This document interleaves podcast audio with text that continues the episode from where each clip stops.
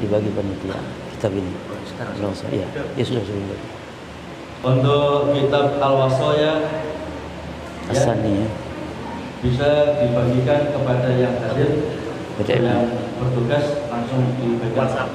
Lewat WhatsApp. Ada WhatsApp. Hmm. Ya, PDF itu. ya. PDF-nya saja. PDF -nya, ya. Jadi bisa bisa langsung bagian ya lewat PDF. Jadi sehingga bisa lebih bisa fokus dalam kita kolaborasi. Demikian saya akhiri. Assalamualaikum warahmatullahi wabarakatuh. Waalaikumsalam. Assalamualaikum warahmatullahi wabarakatuh. إن الحمد لله نحمده ونستعينه ونستغفره ونعوذ بالله من شرور أنفسنا من سيئات أعمالنا من يهده له فلا مضل له ومن يضلل فلا هادي له. وأشهد أن لا إله إلا الله وحده لا شريك له.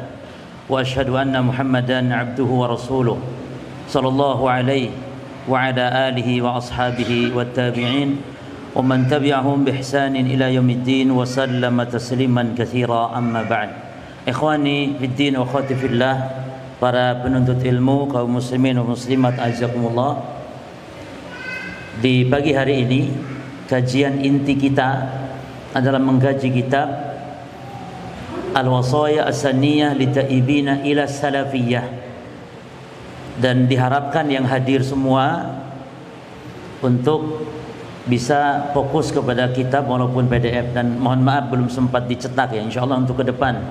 Setiap kajian-kajian kita seperti ini harus ada dicetak kitabnya ya Taib kitab Al-Wasaya As-Saniyah Litaibina ila Salafiyah karya Fadilatul Syekh Abi Abdullah Ahmad bin Muhammad As-Sihi hafizahullahu taala. Beliau termasuk di antara murid-murid para ulama di antara salah satu murid-murid para ulama.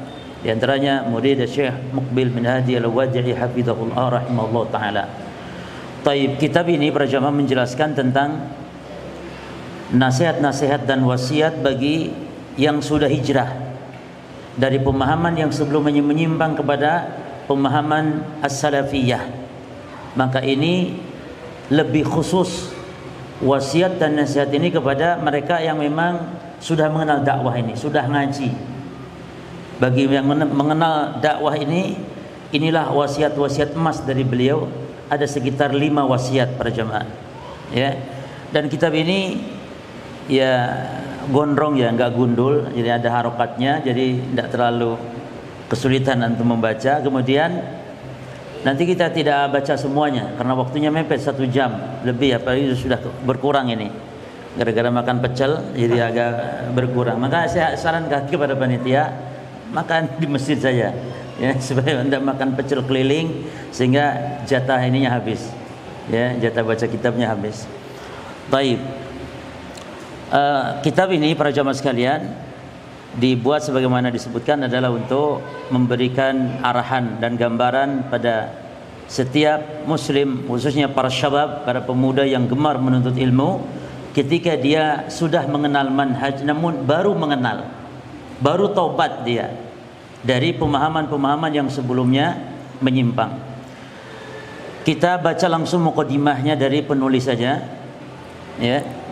Beliau membuka kitabnya dengan khutbatul hajah. Dan ini di antara bentuk sunnah membuka bahasan, tulisan, ucapan dengan khutbatul hajah. Kemudian beliau mengatakan, "Amma ba'du." Taib kenapa dibaca mukadimahnya? Karena supaya kita tahu apa tujuan beliau menulis kitab ini dan apa kandungan isi dari kitab ini. Jadi kalau ingin membaca kitab minimal baca mukadimah dan minimal lagi baca daftar isinya. Ya. Apa isinya? Tapi mukadimah juga pembukaan para ulama itu ilmu jemaah. Jadi para ulama kalau membuat mukadimah juga isinya ilmu. Maka kita baca dari mukadimahnya. Taib amma ba'du kata beliau fa inna asdaqal hadisi kitabullah wa khairal hadi hadi Muhammadin sallallahu alaihi wasallam wa syarrul umuri muhdatsatuha wa kullu muhdatsatin bid'ah wa kullu bid'atin dhalalah wa kullu dhalalatin finnar.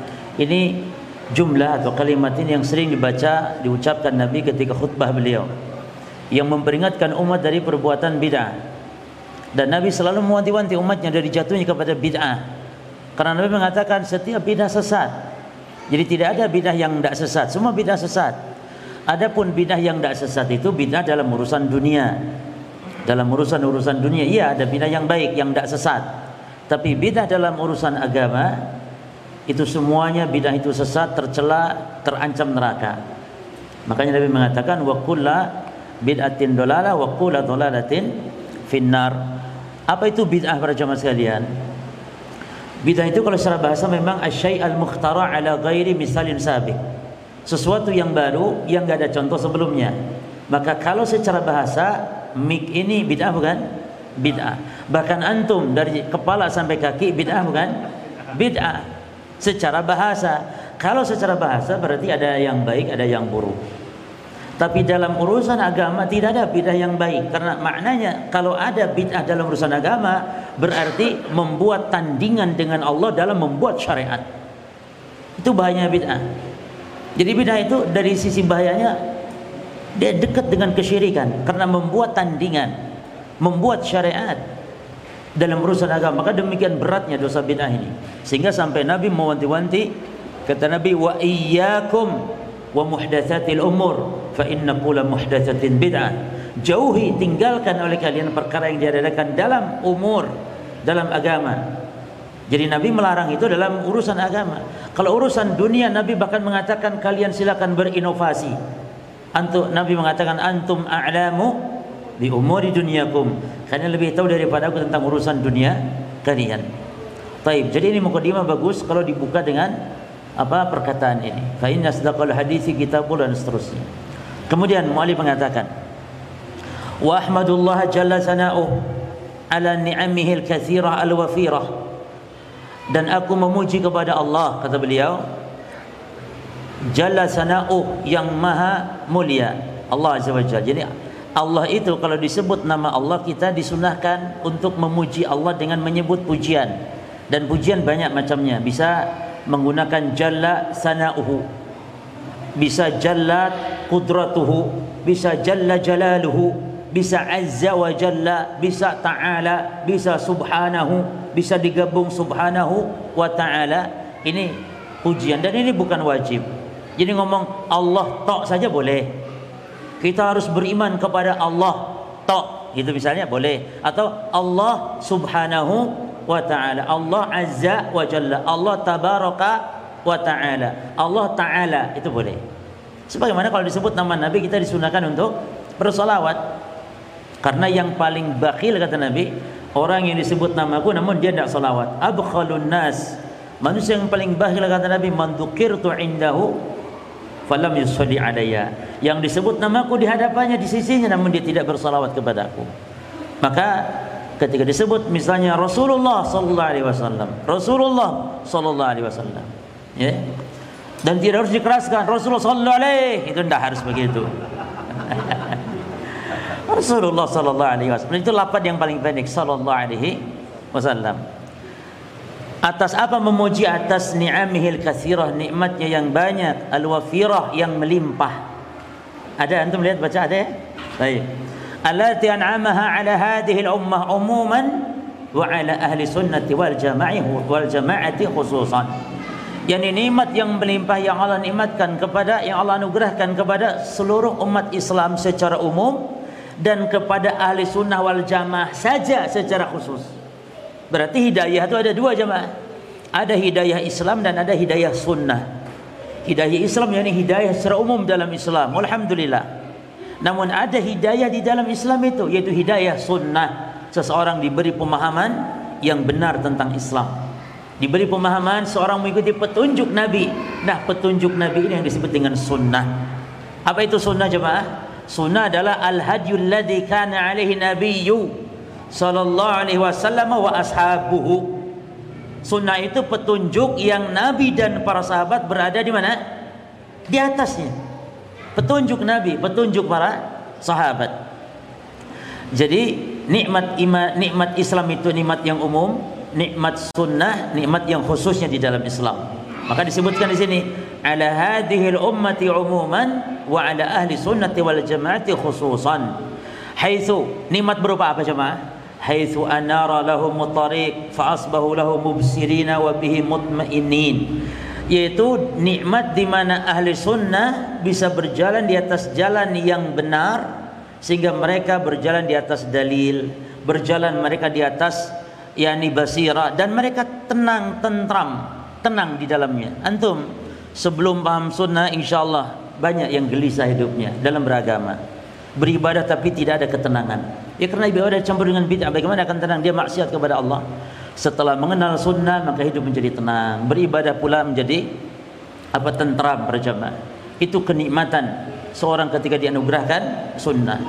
Wa kaifa la yubsiruna wa la yatma'innun bagaimana dia tidak uh, hidup di atas basirah bagaimana tidak dapat melihat dan tidak merasa tenang sementara mereka wahum yastaniruna bi kitabillah bi kitabi rabbihim wa sunnati nabiyihim sallallahu alaihi wasallam karena ahli sunnah mereka bagaimana tidak tenang bagaimana tidak hidup di atas basirah karena mereka berjalan dengan cahaya Al-Quran, cahaya kitabullah, cahaya sunnah nabinya sallallahu alaihi wasallam ala fahmi salafihim salih dalam pemahaman para salafus saleh. Jadi ketenangan dalam beragama ada di atas pemahaman as-salaf, pemahaman yakni minas sahabati wa tabi'ina ahli al-qurunil mufaddalah yakni mengikuti pemahaman para sahabat, para tabi'in dan generasi yang dimuliakan diunggulkan. Ada berapa generasi dalam hadis? Dalam sebuah riwayat menyebutkan tiga, dalam riwayat yang lain menyebutkan ada tambahan menjadi empat. Ya, jadi kata Nabi khairun nasi qarni thumma yalunahum ini kedua. Khairun qarni satu. Thumma alladhina yalunahum lalu generasi setelahnya. Generasiku yakni para sahabat selalu generasi setelahnya yaitu para tabi'in. Thumma alladhina yalunahum lalu generasi setelahnya yaitu tabi'u at-tabi'in. Nah, rawi mengatakan saya tidak tahu Nabi menyebutkan dua generasi setelah generasi beliau atau tiga generasi setelah generasi beliau. Kalau dua generasi dengan generasi beliau berarti berapa generasi semuanya? Tiga. Kalau menyebutkan tiga setelah generasi beliau berarti berapa? Empat. Apa yang empat itu? Sahabat, tabi'in, tabi'ut tabi'in dan atba tabi'i at-tabi'in ya. Yani sahabat lalu tabi'in lalu tabi'u at-tabi'in lalu pengikut tabi'ut tabi'in dan akhirnya setelah itu siapa pun yang mengikuti mereka maka itu termasuk orang-orang yang Allah memberikan keriduan kepadanya. Jadi manusia yang diridai Allah dalam surat Taubah ayat 100 itu tiga kelompok saja. Yang pertama muhajirin. Yang kedua ansar. Yang ketiga pengikut muhajirin dan ansar. Siapa pun dia orang mana pun dia Allah mengatakan wasabiqunal awwaluna minal muhajirin wal ansar. Lalu siapa lagi? Walladzina taba'uhum bihsan. Tiga. Inilah tiga kaum yang Allah ridha kepada mereka radhiyallahu anhum wa radu'an.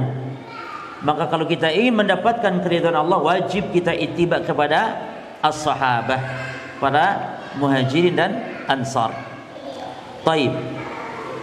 Kemudian alladzi dhalla anhu qaumun yang mana para jamaah sebagian manusia menyimpang dari jalan mereka.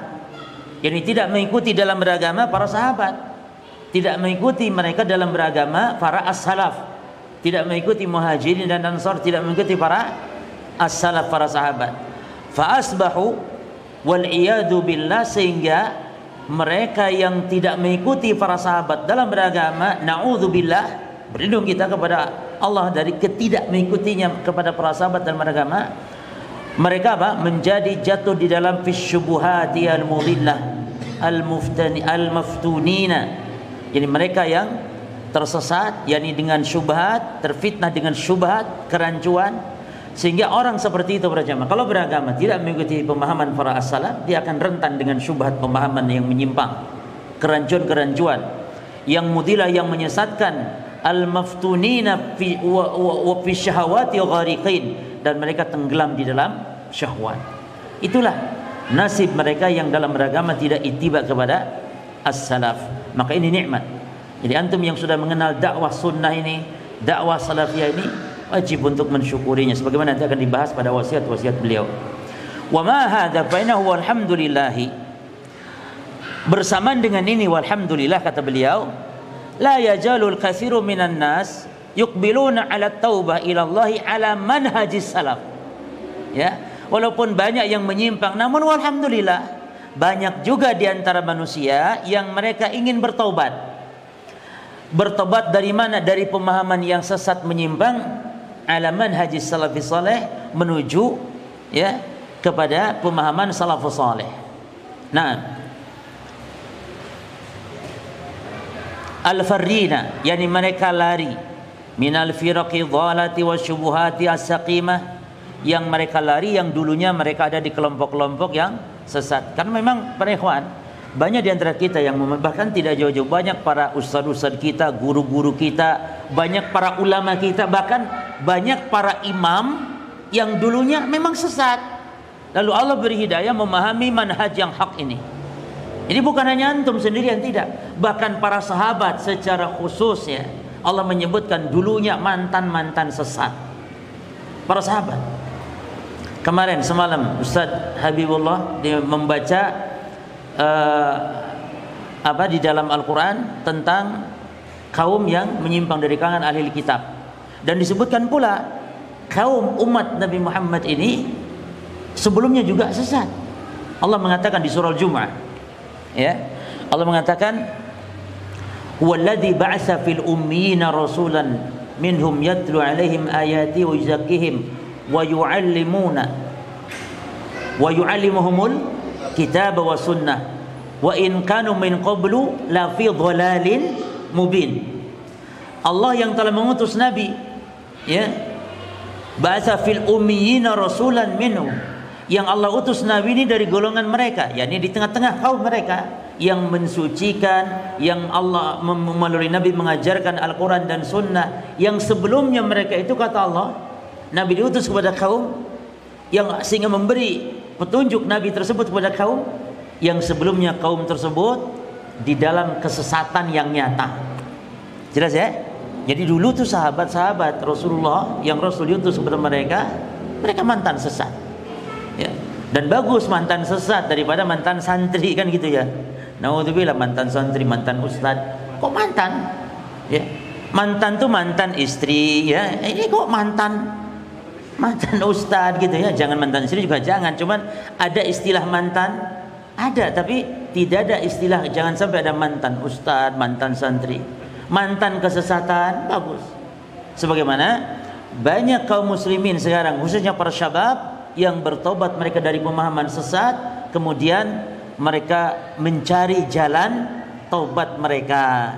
Seperti disebutkan di sini alati amradat uquluhum wa qulubuhum ya. Sinina adidatan wa dayya'at juhuduhum azmanan madidatan yang mana mereka ada di lembah kesesatan ya bertahun-tahun lamanya yang membuat akal-akal dan hati mereka sakit selama bertahun-tahun di atas pemahaman yang menyimpang tersebut. Maka Allah memberi hidayah dengan berbagai cara tentunya wasilahnya.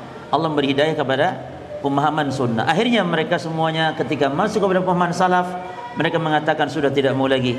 Kelompok-kelompok baik la hizbiyah wala qaumiyah wala tabligiyah wala sufiyah. Yang dulunya jamaah tabligh yang dulunya sufi yang dulunya ikhwaniyah. La ikhwaniyah sekarang tidak mau la qutubiyah. Ini semuanya firqah-firqah sesat yang disebutkan oleh Syekh di sini. La jumhuriyah wala parlemeniyah parlemen ya. Wa inna salafiyatun nabawiyatun. Tapi yang diinginkan hanyalah satu yaitu pemahaman salafiyah yang mengikuti pemahaman para as-salafus salih. Nah kata beliau, wala syakka anna audata haula'i ta'ibina ila manhaj salafi tufrihuna ma'syara ahli sunnah wal jamaah. Maka tidak ragu jemaah. Kembalinya atau tobatnya mereka kepada manhaj as-salaf ini membuat kita senang. Gembira sekalian ahli sunnah, gembira. Kenapa? Karena ahli sunnah adalah kaum yang apa? Arhamun nas bil khalq kaum yang paling penyayang kepada makhluk. Ini kalau ada orang mendapatkan hidayah itu senang kita itu karena apa? Kita yang paling sayang kepada makhluk. Kamahum a'rafuhum bil haq. Sebagaimana ahli sunnah itu adalah yang paling mengerti kebenaran mereka pun paling sayang kepada makhluk. Demikian sikap kita gembira. Karena wa kaifa la yafrahuna bi taibin karena bagaimana tidak gembira dengan taubatnya orang yang taubat? Karena ahli sunnah mendengar hadis Nabi. Bagaimana hadisnya?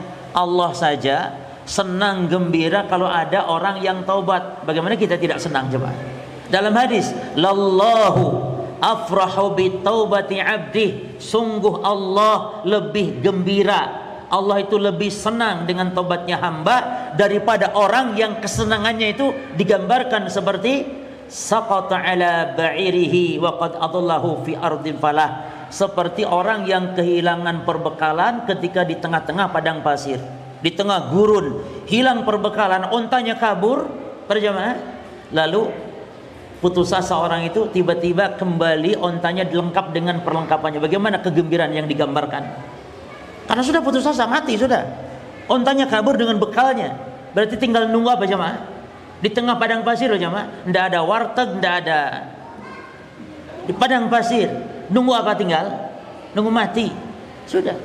Tiba-tiba kembali penuh dengan makanan dengan berbekalannya. Saking gembiranya tuh dia sampai salah ucap jemaah sampai salah ucap dia alhamdulillah anta abdi wa ana rabbuk. Saking saking gembiranya salah ucap. Alhamdulillah ya Allah engkau hambaku dan aku Tuhanmu. Sampai gitu. Kem, saking gembiranya. Nah Allah lebih gembira lagi dari orang ini terhadap hambanya yang bertobat kepada Allah. Ini subhanallah jemaah dirindukan kita tobat kepada Allah. Apalagi berarti kita pun harus cinta, suka dengan orang yang bertobat. Kemudian kalau lihat orang mendapat hidayah, kita kenapa gembira? Karena kita tidak sempurna iman sehingga kita mencintai saudara kita seperti mencintai diri kita sendiri. Kalau kita gembira dengan dapat hidayah, kenapa kita tidak gembira dengan saudara kita mendapat hidayah? Maka kalau ada para pemuda ngaji ya di kajian-kajian sunnah seperti ini kita bergembira, bersyukur karena berarti saudara kita selamat dari kesesatan, selamat dari penyimpangan. Illa kecuali atau namun atau akan tetapi jemaah. Anna hadhil farha yusahibuha ba'dul hazin. Ya. Wal asaf. Namun rasa gembira ini juga diiringi rasa sedih. Sedih, kecewa. Kenapa kecewa? karena kita menyaksikan kondisi sebagian yang taubat tadi, sebagian yang semangat tadi bertobat ila salafiyah, ya. Apa yang terjadi? Minal ittirab wa takhabbut. Ya ini uh, adanya apa jemaah? yakni adanya rasa tidak menentu, rasanya rasa kebimbangan. Apa sebabnya? Bisa babi syubahil kathirah karena adanya syubhat-syubhat. Yang mana syubhat ini kata beliau alati yurawijuha ahlul batil. Yang syubhat ini ditebarkan oleh ahlul batil. Ya, fata'sifu bittaibina yamnatan wa yasratan li'adami su'alihim ahli ilm sehingga mengombang-ambingkan mereka ke kanan ke kiri yang baru taubat tadi. Kenapa? Karena mereka tidak bertanya kepada ahli ilmu min ahli sunnati wal jamaah karena mereka tidak bertanya kepada ahli ilmu dari kalangan ulama-ulama ahli sunnah wal jamaah. Nah, jadi artinya ada orang yang semangat taubat kembali ke dakwah salaf namun tanpa bimbingan. Sehingga mereka jatuh kepada syubhat lagi, akhirnya mereka pun terombang-ambing dalam taubatnya tidak menentu dalam taubatnya. Ini yang beliau inginkan menulis buku ini sehingga beliau tulis buku ini sebagai wasiat kepada mereka yang baru tobat tadi. Min ajli dzalik ra'aitu an aktub ba'dal wasaya litaibina ila salafiyah. Maka untuk tujuan itulah atau karena hal itulah aku menulis sebagian wasiat-wasiat untuk mereka yang tobat ke dalam uh, manhaj salaf walati araha tu'aliju ba'da hadil itirabat yang mana semoga ini bisa menjadi uh, terapi atau pengobat atau mengobati sebagian kebimbangan dan keterombang-ambingan alati asabat ba'du taibin yang menimpa orang-orang yang tobat. Jadi buku ini menjadi minimal semoga menjadi obat atau menjadi terapi pengobatan bagi mereka yang terombang-ambing dalam tobatnya menuju kepada dakwah sunnah ini.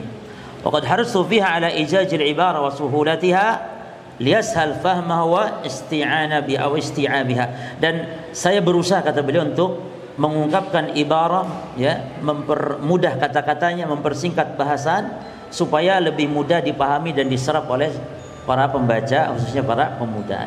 Demikian. Jadi insyaallah bahasanya dalam kitab ini mudah para ya. Dan beliau berharap kepada Allah semoga kitab ini bermanfaat. Penulis mengatakan Abu Abdullah Ahmad bin Aba Muhammad Asy-Syihi hafizahullah taala. Baik, langsung kepada wasiat pertama. Al wasiatul ula wasiat bagi orang yang baru hijrah dari manhaj yang menyimpang kepada manhaj salaf. Yang pertama, ihmadillah ala hadhihi ni'mah. Bersyukurlah pujilah Allah ya washkuruh 'alaiha dan bersyukurlah kepada Allah atas nikmat ini. Nikmat apa jemaah? Nikmat hidayah diberi pemahaman sunnah. Ya. Fa innaha ni'matun 'azimah yamunnu biha Allah 'ala man yasha min ibadih. Karena nikmat pemahaman sunnah ini anugerah Allah yang Allah kehendaki, tidak semua orang diberi. Yang Allah kehendaki saja dari hambanya. Maka kalau antum yang diberi mana berarti antum yang dipilih oleh Allah Subhanahu wa taala. Maka syukuri. Ya. Fa ahsin fi syukrika wa istimaliha wa tadhakkur wa tadakkar dan perbaguslah ya bersyukur dalam bersyukur dan gunakan nikmat dengan benar dan ingatlah kita ingat berjamaah kita merenungi kamin magmurin fi syubuhat Berapa banyak orang yang ter apa namanya? yang tenggelam dalam syubhat. Kalau antum sekarang sudah di majelis ilmu seperti ini, berapa banyak yang masih nongkrong di kafe-kafe? Antum ingat itu. Berapa banyak yang naudzubillah bahkan di tempat-tempat pelacuran, naudzubillah tempat dosa dan maksiat.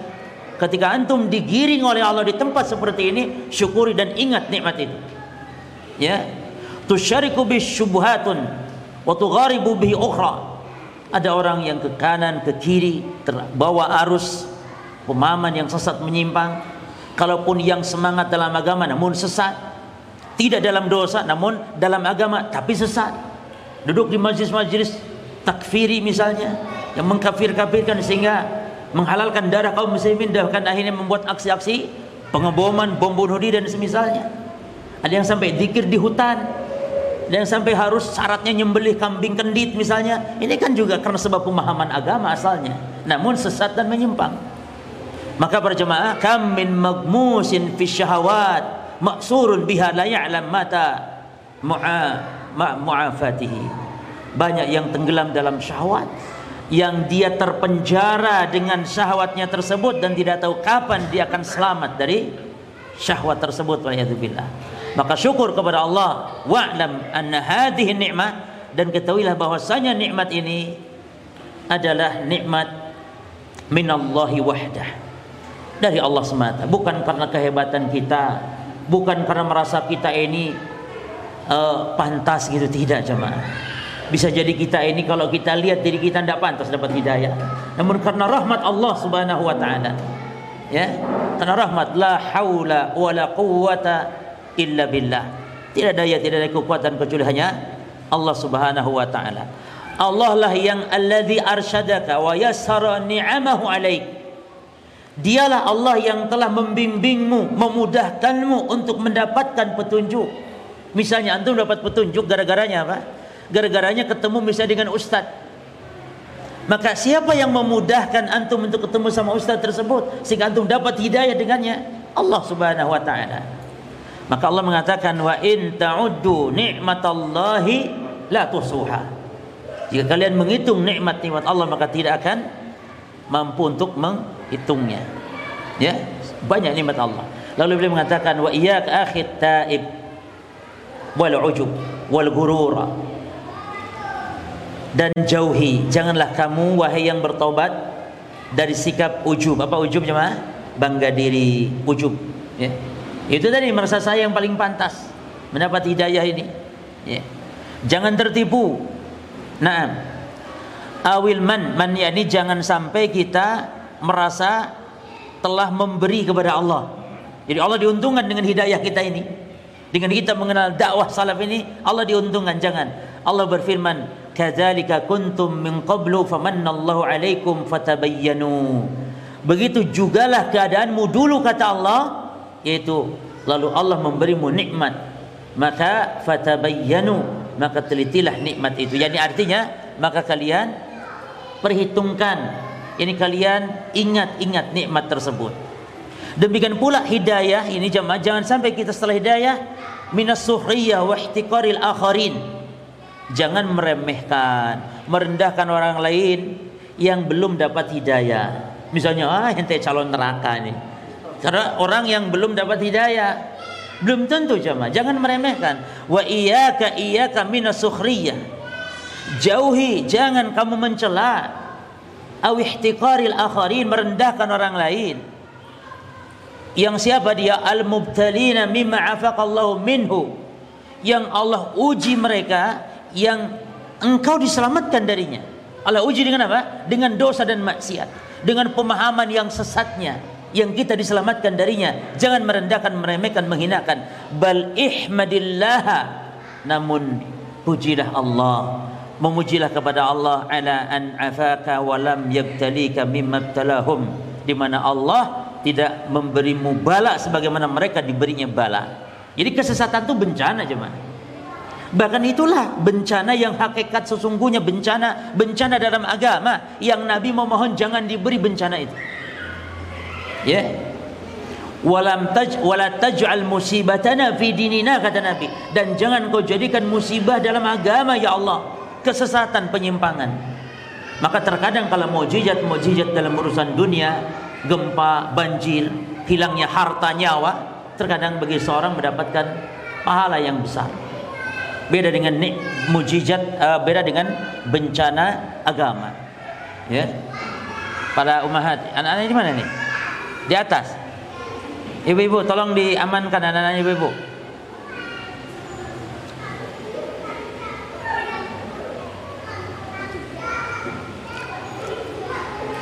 wa qul idza mubtala bahkan justru kita kalau melihat orang dikenai bencana musibah termasuk kesesatan kita melihat kesesatan agama penyimpangan agama kita kita lihat ada orang yang sesat justru kita baca ketika seperti kita melihat bencana yang menimpa orang lain. Membaca.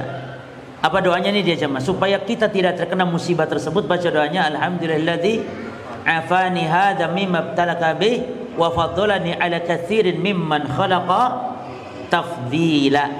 Ya. Baca ya Allah alhamdulillah yang kau telah selamatkan aku. Ya. Dari apa yang telah kau uji orang lain yang kau telah pilih aku tidak terkena musibah itu. Termasuk musibah apa saja mas dunia. Antum melihat orang lain kena kecelakaan misalnya baca doa alhamdulillah. Tapi jangan keras-keras ya di hadapan orangnya ya. Karena ada kata-kata Alhamdulillah. Loh kayaknya mensyukuri gitu orang kena bencana. Masih kita bersyukur kepada Allah kita diselamatkan dari bencana. Alhamdulillah di'afani hadha mimab talaka wa fadlani ala katsir mimman khalaqa tafdila. Nah jadi sikap kepada orang yang sesat menyimpang apa jemaah? Wa asfiq alaihim warhum warhamhum. Yani sayangi lemah lembutlah sayangi mereka. Wa tamanna lahum ma Allah minal khair wal hidayah was sunnah. Dan juga sikap kita adalah kita berharap berkeinginan orang lain yang sesat itu juga saudara kita ingin seperti apa yang Allah beri kepada kita berupa hidayah. Maka kalau kita bersikap seperti itu jemaah ketika menasehati pun dasarnya pasti karena dasar rahmah, kasih sayang, bukan benci jemaah. Artinya bukan benci kita ini ingin menang tidak, bahkan ingin puas rasanya tidak, tapi rahmah ya rahmah.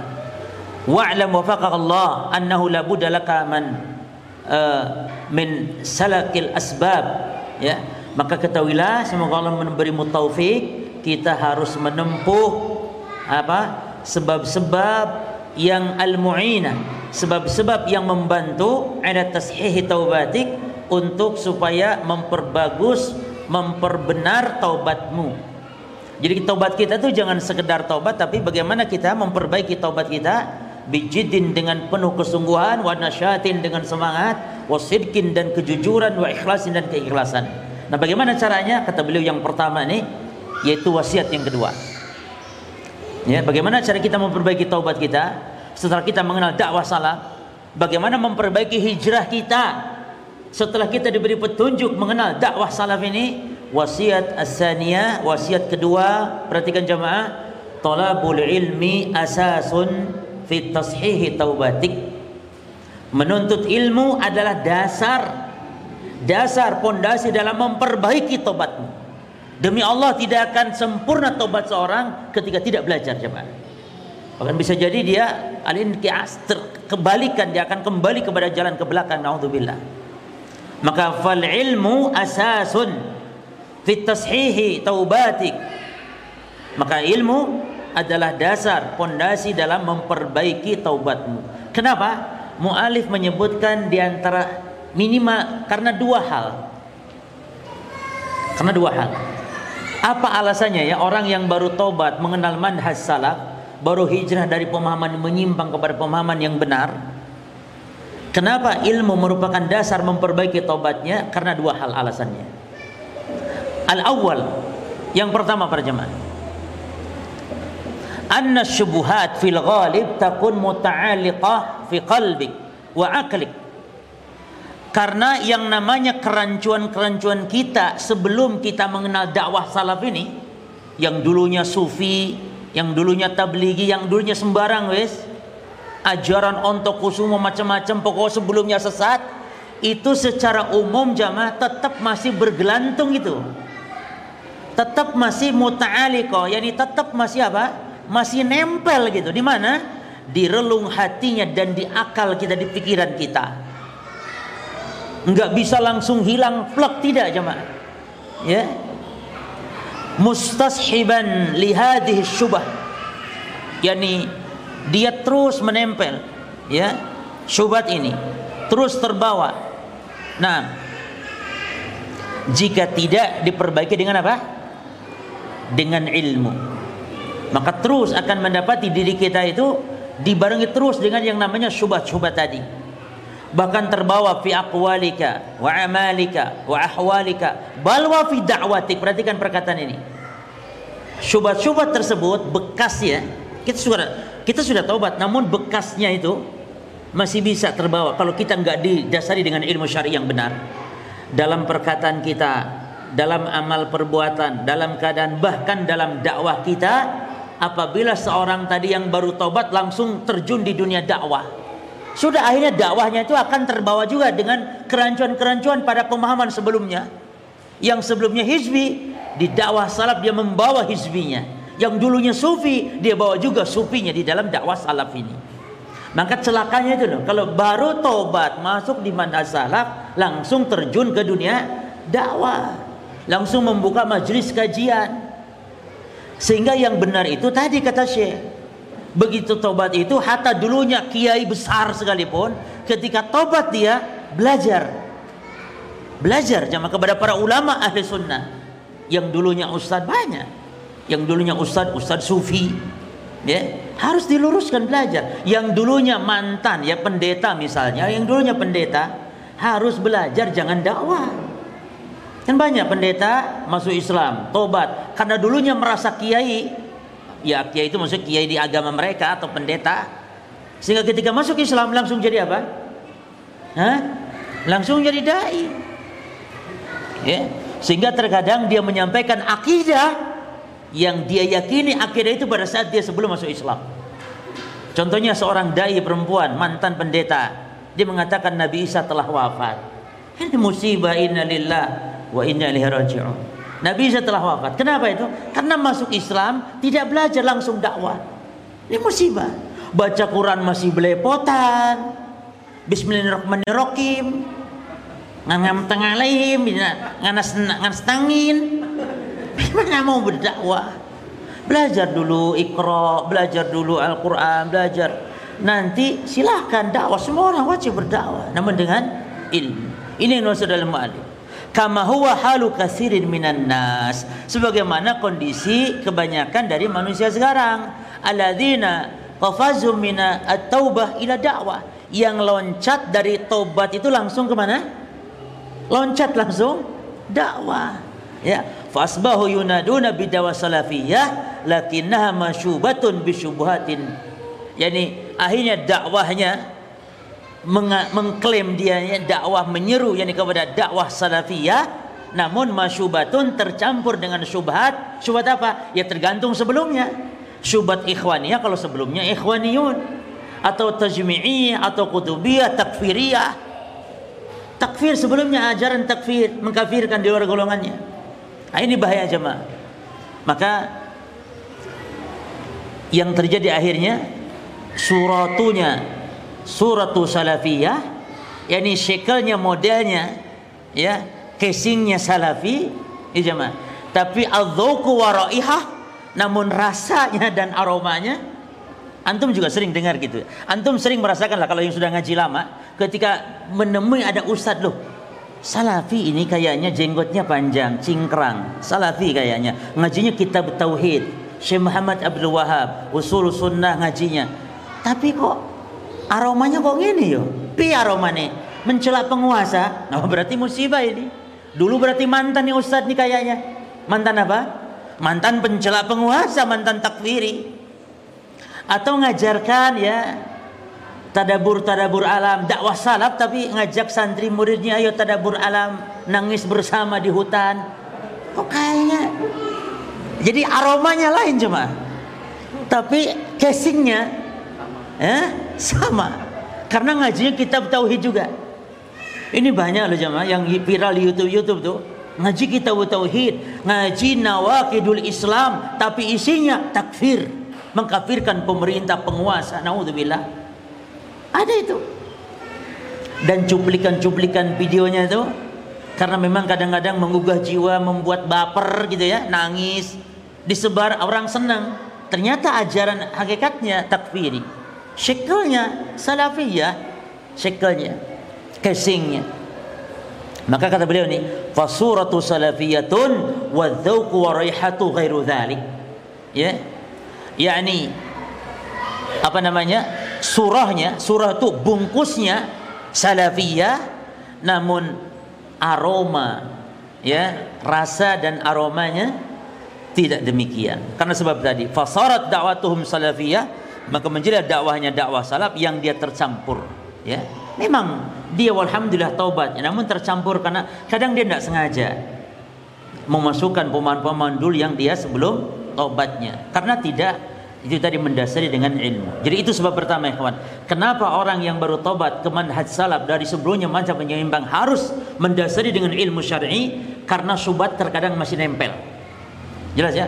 Jangan disangka antum sudah tobat itu langsung hilang begitu saja syubhat dengan sendirinya tanpa belajar. Lah, ya. Masih nempel. Nah. Kemudian alasan yang kedua, qad ta'sifu bika syubhatun 'asifatun wa tughayyiru masaraka wa tariqaka fi taubah ila salafiyah. Karena kita kadang-kadang syubhat itu mengombang-ambingkan ya sehingga tughayyiru masarak sehingga merubah arahmu dalam taubat. Dalam taubat. Ya. Sehingga menjadi hairan au da'iyan ilaiha dhannan anna al-haq wa hiya dhalalu ainuh sehingga menjadi bingung ikhwan terkadang. Ya. Atau kita bisa saja karena bingung karena syubhat menyuruh kepada syubhat dan itu merasa benar padahal itu salah. Jadi artinya intinya yang kedua karena sebab besarnya syubhat. Apalagi di zaman sekarang banyak fitnah. Apalagi yang pertama tadi mantan. Sehingga syubhat masih nempel ditambah syubhat ini demikian keras kalau tidak ada sering ilmu celaka. Akan merubah kadang arah tobat kita. Yang tadinya menuju ke dakwah salaf merubah. Berubah arah. Ya menjadi takfiri. Atau disangkanya karena mirip dengan dakwah salaf juga ternyata takfiri. Apalagi mungkin dalam masalah fikihnya sama Makanya ikhwan, melihat ustaz tuh, melihat sesuatu menyimpang tidak jangan dalam masalah fikihnya. Karena kalau fikih semua itu sama. Karena antum merasa ini kalau sudah dulu ya di kalangan orang ya awam ketika mengenal dakwah salaf ini di antara sebagian ulama itu kan menganjurkan untuk menggerak-gerakkan telunjuk dalam tahiyat. Sehingga ketika antum melihat ada orang walaupun sesat ketika gerakan telunjuknya digerak-gerakan, wah ini saudara nih. Kenapa? Sama sama apanya? Sama telunjuknya. Walaupun mana hajinya beda, gitu kan? Jadi bukan masalah fikihnya yang jadi masalah. Asal mentang-mentang tidak kunut subuh, salafi. Lah ya ikhwan. Tidak kunut subuh salafi, tidak tahlilan salafi bukan. Bahkan orang yang menetapkan tauhid itu tiga, rububiyah, uluhiyah, semua sifat, belum tentu dia salafi dalam manhajnya. Belum tentu bisa jadi haraki, bisa jadi hizbi. Apalagi cuma sekedar jenggotan, apalagi cuma sekedar istrinya cadar, cadaran. Ya, banyak aliran takfiri, aliran yang cadaran istrinya. Apa setiap yang bercadar atau setiap itu di, dianggap itu benar? Itu ibadah ya kawan, ibadah setiap muslim siapa pun, ahli bidah pun bercadar tidak masalah. Beribadah kepada Allah.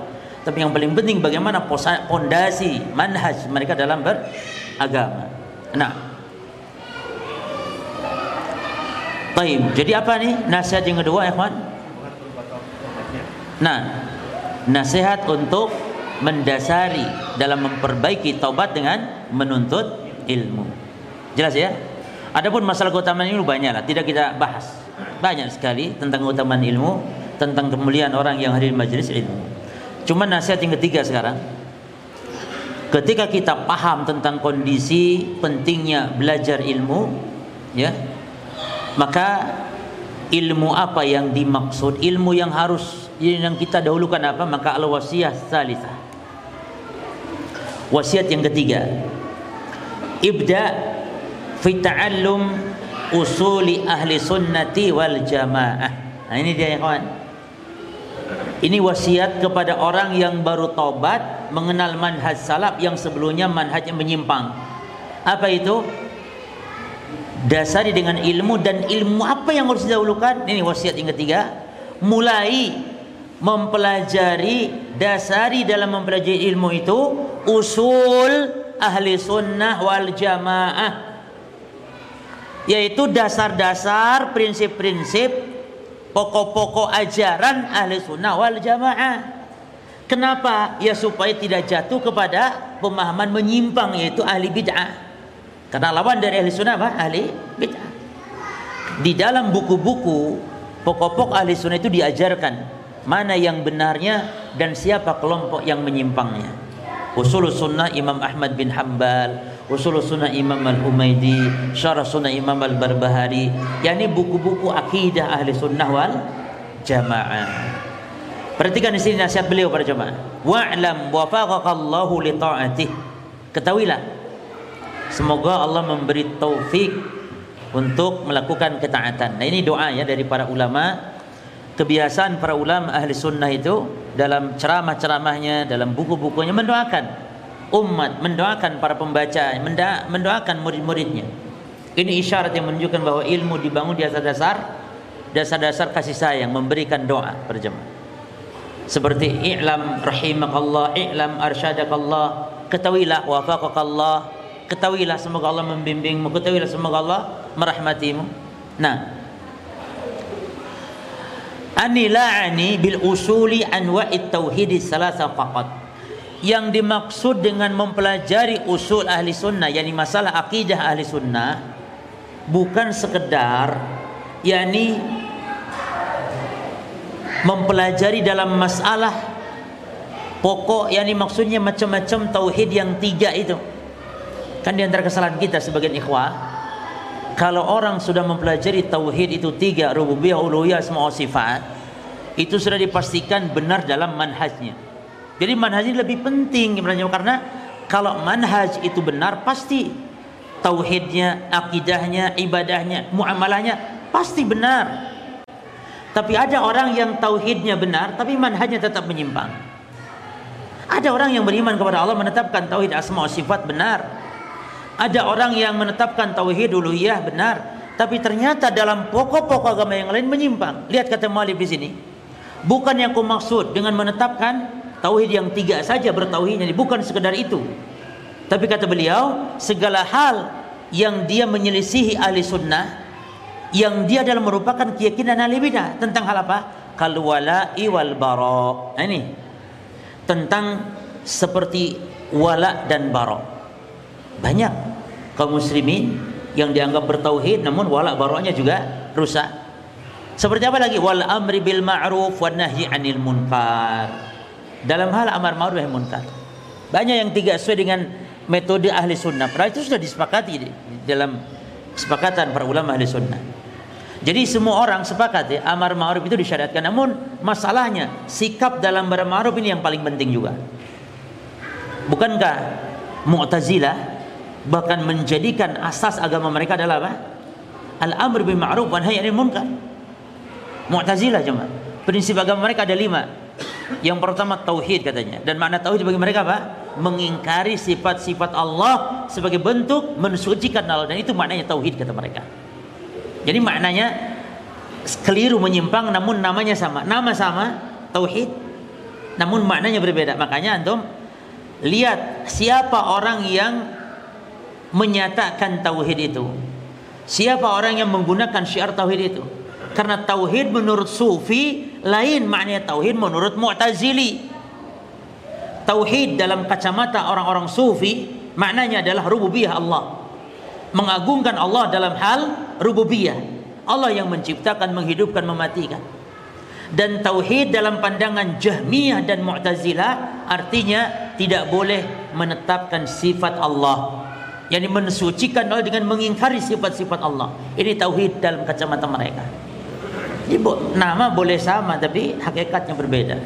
Maka al-ibrah ya bil haqa'iq la bil asma wal musamayat. Yang hakikat itu dengan tolak ukur itu dengan apa dengan hakikat yang ibrah yang menjadi tolak ukur itu hakikatnya. Bukan dengan nama. Bukan dengan sekedar penamaan dalam amar ma'ruf apa kacamata orang-orang Mu'tazilah? Menurut mereka amar ma'ruf itu adalah menggulingkan penguasa yang dolim, memberontak penguasa yang dolim. Itu amar ma'ruf dalam kamus mereka. Amar ma'ruf. Ada lagi kelompok yang amar ma'rufnya bagaimana? Keliru menyimpang. Tidak sesuai dengan manhaj ahli sunnah wal jamaah. Bagaimana caranya? Dengan merusak tempat-tempat pelacuran, tempat-tempat maksiat. Dan hanya yang di uh, tegakkan dalam ma'ruf padahal dalam urusan-urusan dosa-dosa dari dosa-dosa besar dan tidak menjamah kepada dosa-dosa kesyirikan. Iya kan? Minuman keras ya, pelacuran, kesyirikan, ah dibiarkan malah. Ini keliru dalam amar munkar. Demikian yang dimaksud oleh Mu'alif. Jadi pokok-pokok ajaran ahli sunnah jamaah itu dalam hal bukan masalah tauhid yang tiga saja. Tapi dalam wala dan bara. Dalam hal amar ma'ruf munkar termasuk mauqif minas sahabat bagaimana sikap kepada para sahabat? Karena ada kelompok yang sesat terhadap para sahabat mengkafirkan para sahabat mencela para sahabat ya. Demikian para jemaah. Dan juga wal mauqif min wulatil amri sikap terhadap penguasa. Antum lihat ada ustadz yang dia mengajarkan tauhid mengajarkan tauhid itu ada tiga rububiyah uluhiyah semua sifat tapi dia mencela penguasa mencaci maki pemerintah. Berarti ini bermasalah dalam manhajnya jemaah. Sudah. Ya, karena ini pokok. Ini bukan masalah khilafiyah mencela penguasa. Ya, apalagi sampai mengajak menyeru untuk demo kepada penguasa. Menggulingkan penguasa apalagi dengan simbol repo apa? revolusi kata macam. Ini musibah. Ya. Taib dan juga sikap kepada ahli ma'asi wal kabair. Sikap kepada pelaku dosa besar. Apakah pelaku dosa besar kafir? Tidak. Kalau ada orang yang mengkafirkan mudah mengkafirkan serta ta'yin kepada kaum muslimin yang berbuat dosa besar itu berarti bermasalah dalam masalah prinsip ahli sunnah wal jamaah. Nah orang yang mempelajari itu akan terselamatkan dari pemahaman-pemahaman yang menyimpang. Baik. Wa ghairiha minal usuli allati ijtamat 'alaiha al-sunnati wal jamaah dan lain-lain dari pokok-pokok ajaran ahli sunnah wal jamaah ya. Dari sikap kepada penguasa eh, sikap kepada para sahabat bahkan masalah takdir banyak sekali. Bukan sekedar masalah tauhid ya menetapkan tauhid uluhiyah rububiyah asma sifat saja bukan. Kemudian berjamaah sekalian walama farata minat taibina fi hadzal bab. Nah ketika kebanyakan dari para syabab yang taubatnya dari pemahaman menyimpang kepada dakwah salafiyah namun melalaikan meremehkan masalah ini ini tidak mau belajar usul ahli sunnah wal jamaah lam yakbalu fi bidayati taubatihim ala usul ahli sunnah wal jamaah ini mereka tidak memulai dalam taubatnya dengan mempelajari pokok-pokok ahli sunnah wal jamaah asbahu muttaribina ya mutahabbat mutahabbatina ya mereka akan gampang terombang-ambing akan gampang menjadi mudah bingung bi adna syubhatin. Perhatikan ini.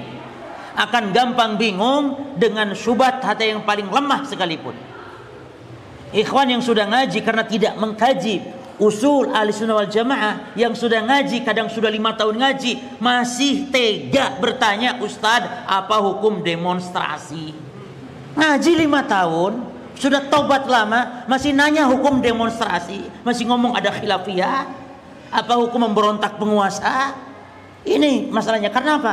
Karena dia tidak mengawali tadi dengan usul ahli sunnah wal jamaah. Sehingga mudah? Kata mu'alif. Mudah terombang ambing bi adna. Itu yang paling rendah. Bi adna syubhatin. Apalagi dengan syubhat yang dahsyat. Gitu loh jemaah. Tentang murjiah, seluk beluk murjiah. Oh tambah bingung. Oh demonstrasi masih ditanyakan. Apa hukumnya? apalagi tentang syubhat apa itu murjiah secara perinciannya nah misalnya nih jemaah termasuk beliau memberikan contoh ya misalnya ana katajiru at-taiba harisan fi bidayati ala an yakuna ba'idan an ahli al-bid'ah nah ini dia ini contoh syubhat yang banyak mengenai orang-orang baru taubat ya orang yang baru taubat di awalnya di awal dia taubat ya tapi dia tadinya kan lemah ilmu usulnya. Usul ahli, ahli sunnah wal jamaahnya lemah. Di awal taubat dia akan semangat. Semangat an yakuna ba'idan an ahli bid'ah wal furqah. Jadi dia di awal itu semangat menjauhi ahli bid'ah. Semangat. Dan tentu ahlul furqah ya, ahli bid'ah ahlul furqah. Namun ketika ada syubhat, ada syubhat masuk dia, Faida ma sami'alahu syubhatan min mutalabisin bis salafiyah lalu dia mendengar syubhat itu yang awalnya semangat nggak mau duduk di majlis ahli bid'ah bahaya begini-begini ya dibawakan dalil-dalil. Awalnya itu semangat mendengar dari ustadznya semangat. La tujalisu alal bid'ah fa innaha mumraditun lil qulub. Jangan kamu bermajlis dengan ahli bid'ah akan membuat hati menjadi sakit berpenyakit. Jangan jauhi tinggalkan ahli bid'ah. Semangat di awal. Eh muncul syubhat. Apa katanya?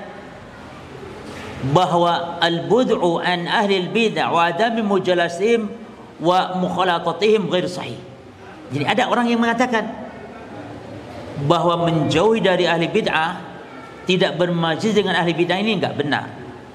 Enggak benar karena yafutu masalih kasirah. Karena akan ter, akan terluputkan kebaikan-kebaikan yang banyak. Ini syubhat ya, ini syubhat ini. Lianna la ahad ma'sumun ba'da rasul. Karena yang namanya manusia ya tidak ada yang maksum lah. Ahli bidah kan juga manusia, mungkin salah, ya. Enggak ada yang maksum selain Rasulullah, selain para sahabat. Kalau para sahabat wajar, Rasulullah ya, eh kalau kita-kita wajar, kalau sahabat Rasul maksum mereka. Maka tidak bolehlah berlebihan begitu. Ya. Jadi mereka itu tidak mungkin. Mereka pasti ada kesalahannya, tapi jangan sampai menjauh begitu. Tidak masalah mendekat ahli bid'ah, jangan jangan sampai ekstrim. Itu kaku namanya. Nah, ini coba coba. Akhirnya dia, oh iya juga ya. Akhirnya yang awalnya semangat tidak mau duduk di majelis ahli bid'ah, akhirnya apa? Iya, manusia kan tidak tidak apa jemaah? Manusia kan tidak maksum lah, namanya bukan rasul, bukan sahabat. Ya, bisa saja ahli bidah itu salah dan juga mereka memiliki juga kebaikan-kebaikan. Ya, jangan akhirnya apa jemaah? Akhirnya dia mulai kendor. Akhirnya apa? Yang awalnya demikian semangat, ujung-ujungnya apa? Mulai bermajlis. Padahal coba kalau sedikit dia mau mendasari dengan ilmu tadi. Jemaah sekalian, ini adalah kalimat yang dikatakan itu hak bahwa tidak ada yang maksum selain siapa? Rasulullah. Naam. Ini kalimatu haqqin namun urida biha batil. Kalimat itu benar. namun kalimat itu salah. Apa tujuannya itu salah. Apa antum membantah orang seperti itu? Ini artinya kan subat mereka itu katanya tidak boleh loh menjauh ahli bidah begitu. Namanya orang salah wajar, nggak apa-apa bermajlis. Yang penting kita ambil baiknya buang buruknya. Nggak masalah orang parah punya kok baiknya. Ada memang salah, ada baiknya. Keliru kalau sampai nggak mau majlis ahli bidah. Jadi ngaju itu di mana saja lah. Yang penting kan kita nih pilih-pilih saja. Semua orang ekstrim lah kalau gitu. Oh dia juga ulama, dia juga doktor, profesor bahkan, bahkan juga kuliahnya di Saudi juga sama. Padahal tah, pulangnya tahlilan tetap, tapi kuliah di Saudi pulang tahlilan coba. Profesor, doktor lagi. Ah, itu syubhat jemaah. Bagaimana jawabannya kawan? Di sini mu'alif memberikan jawaban atas syubhat tersebut. Perhatikan.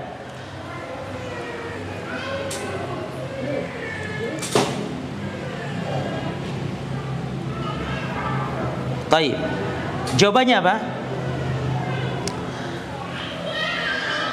Bahwa Rasul dan para sahabat ya atau para sahabat ketika para sahabat jatuh kepada kesalahan Nah kesalahan para sahabat itu bukan kesalahan dalam rangka menolak membantah dalil Berbeda dengan ahli bid'ah Kalau ahli bid'ah memang menolak membantah dalil Kalau para sahabat kalaupun mereka ada dalam kesalahan Kesalahannya apa? Kesalahannya karena istihad. Beda dengan ahli bidah. Ahli bidah itu bukan salah karena istihad, tapi menentang dasar, menentang dalil, menyuruh umat untuk sesat.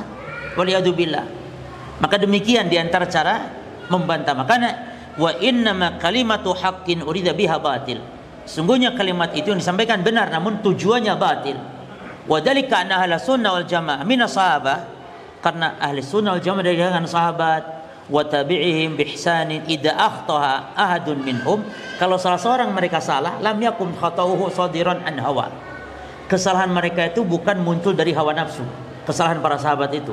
Bukan sengaja menentang agama menentang dalil bukan. Au adama tatabu'in lil azhar au tahrifin lin nusus. Bukan karena menyelewengkan dalil sahabat itu. Jadi kalau ada subhat seperti itu ya nggak ada yang maksum dari Rasulullah. Bahkan sahabat pun jatuh kepada kesalahan. Nah, namun sahabat salahnya pertama Pak tidak muncul dari hawa nafsu. Yang kedua bukan salah karena tidak mengikuti dalil. Atau bukan salah karena tahrif menyelewengkan dalil. Atau mengikuti yang syubhat bukan.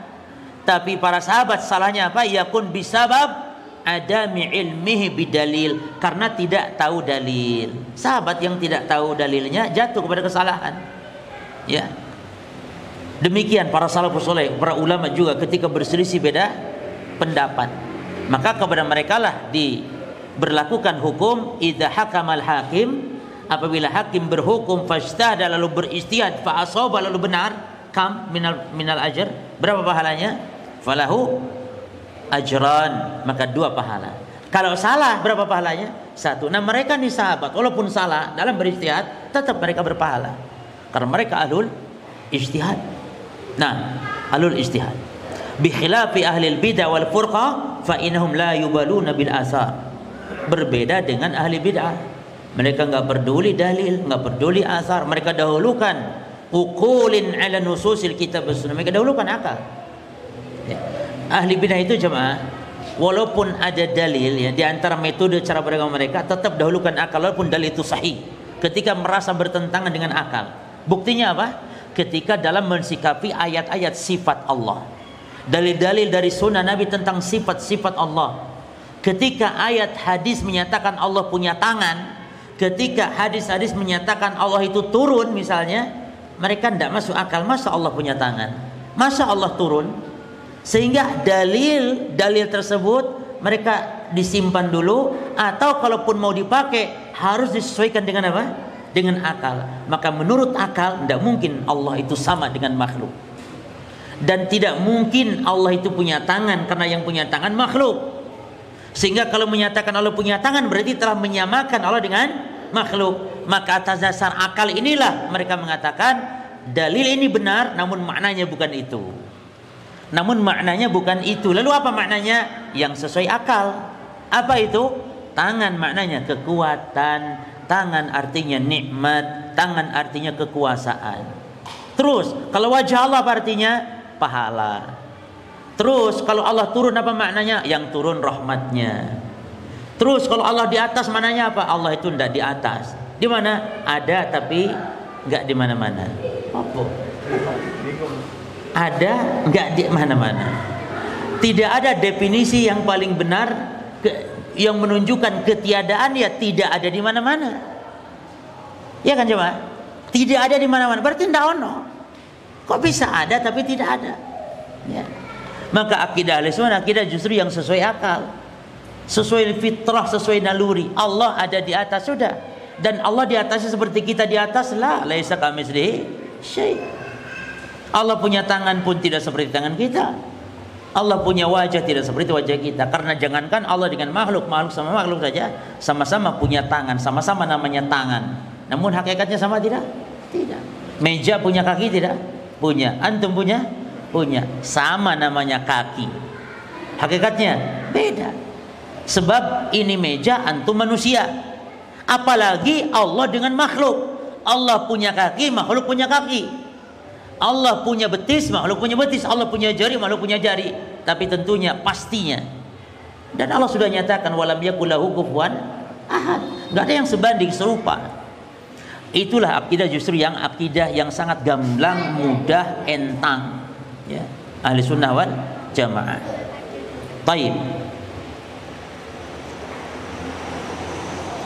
Nah, adapun mereka ahli bidah la yu'tadar lahum bima i'tadara bihi dalika nam al mulabbis wala yasufuhum fi safi ahli sunnati wal jamaah ila jahilun aw mubtadi'un mukabir Nah mereka ini tidak bisa diberi udur seperti itu. Dikatakan mereka ijtihad ya salah pun ya Diberi udur karena Tidak mereka ahli bidah nggak bisa diberi udur mereka Dalam hal kesalahannya ini. Ya. Nah tidak seperti yang dikatakan oleh al mulabis mulabis itu yang ngaku salafi. Ya yang mulabis itu ya ini yang yang terkena syubhat jadi orang yang mengaku salafi. Dan tidak bisa ahli ahli bidah itu digolongkan disejajarkan di ke dalam barisan ahli sunnah wal jamaah. Nah baik yang kedua jemaah contohnya. Innaka tajidu at-ta'iba mutahammisan fi bidayatihi ila naqdi ahli al-bidah. Ini contoh yang kedua engkau dapati ada orang yang tobat ya ke manhaj salaf pada awal-awal tobatnya itu dia semangat dalam membantah ahli bid'ah. Nah, ini biasa kan orang kalau sudah apa mulai masuk itu ya kepada ilmu langsung semangat ya, membantah, mendebat ahli bid'ah. Namun min ghairi dhabitin wala ilmi. Namun membantah tentunya apa jemaah? Enggak ada dasar ilmu. Tanpa dhabit, tanpa aturan, tanpa ilmu, tanpa ketentuan, tanpa patokan, tanpa ilmu. Faistamiru fatratan minaz zamani ala dalik dan dia terus berlangsung beberapa saat lamanya. Namun fama an yasma syubhatan mimman yad'i salafiyah. Lalu dia mendengar syubhat dari orang yang mengklaim mengaku-ngaku salafi tadi. Ustaz yang ngaku salafi tadi memberikan syubhat. Apa syubhatnya? Bi anna naqda laisa min tariqati ahli sunnati wal jamaah. Bahwasanya membantah ahli membantah itu mendebat, mengkritik itu bukan ajaran ahli sunnah. Itu syubhatnya. Ya. Wa nahu yuqassil qalba dan itu akan mengeraskan hati. Ini ustaz ngaku salafi atau ustaz yang disebut salafi. Tapi ngomong seperti ini syubhat. Nah, ikhwan yang baru ngajinya nih ketika mendengar syubhat ini langsung terpengaruh ikhwan. Yang awalnya semangat membantah ahli bidah akhirnya apa? Bermajlis bahkan dengan ahli bid'ah. Karena tadi nggak mendasari dengan prinsip usul ahli sunnah jamaah. Karena di dalam ajaran ahli sunnah jamaah itu diajarkan tentang masalah apa? Membantah ahli bidah jamaah. Dengan dawabitnya. Di kitab uh, Lumatul Itiqad di akhir bahasanya ada bantahan terhadap ahli bid'ah. Sikap terhadap ahli bid'ah. Pembagian ahli bid'ah. Dibahas di situ. Nah yang tidak ngaji seperti itu akan mudah terpengaruh. Ya. Ketika dikatakan syubhat misalnya eh jangan membantah seperti itu itu tuh akan mengeraskan hati. Jadi nanti tukang debat. Jadi dia masih mujmal harusnya diperinci. Memang debat itu hukum asal tidak boleh namun boleh dengan dawabit. Tapi ini yang memberi syubhat tadi memutlakan debat nggak boleh mengeraskan hati. Nah, orang yang lemah ilmu, iya. Akhirnya dia bermajlis dengan ahli bid'ah. Dengan alasan tidak mau debat dengan ahli bid'ah malah bermajlis dengan ahli bid'ah nah maka akhirnya ada si fulan yang suka mengkritik sebelumnya namun nanti ujung-ujungnya malah apa jemaah malah bermajlis dengan ahli bid'ah. Dengan alasan takut kerasnya apa? Kerasnya hati katanya. Bah, namun yang benar bahwa mengkritik ahli bid'ah itu adalah aslun azim.